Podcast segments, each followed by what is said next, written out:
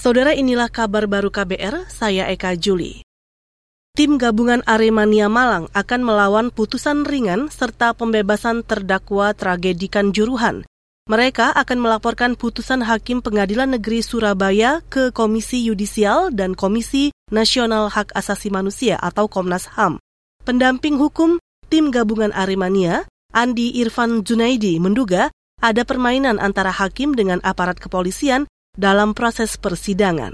Karena itu kita akan membuat laporan juga ke Komisi Yudisial agar nanti bisa terungkap seluruh kejanggalan-kejanggalan dari di pengadilan, di dalam proses peradilan, juga argumentasi pesan yang aneh dari hakim itu e, bisa kita kaji bersama apakah itu melanggar etik di dalam profesi kehakiman ataukah tidak. Yang terakhir kami akan membuat laporan juga kepada Komnas Hak Asasi Manusia soal dugaan kasus pelanggaran berat hak asasi manusia. Pendamping hukum tim gabungan Arimania, Andi Irfan Junaidi juga menyebut pihaknya menemukan sejumlah fakta baru di balik proses keadilan yang bisa membuka kemungkinan munculnya terdakwa baru dalam kasus Kanjuruhan. Andi juga meminta pemerintah tidak menutup mata dan membantu keluarga korban untuk mendapatkan keadilan yang tepat.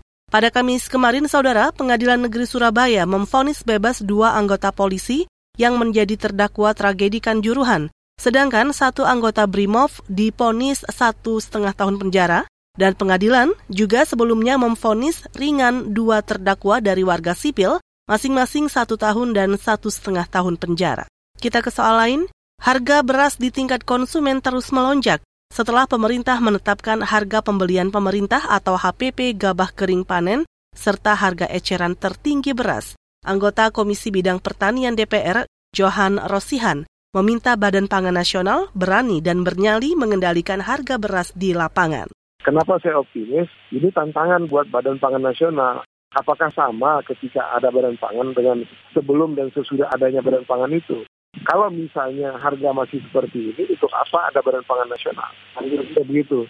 Tapi kalau misalnya Badan Pangan Nasional ini ada malunya, maka ini menjadi tantangan buat dia. Bahwa setelah ada, ada Badan Pangan Nasional, harga petani itu itu membuat petani kita tersenyum.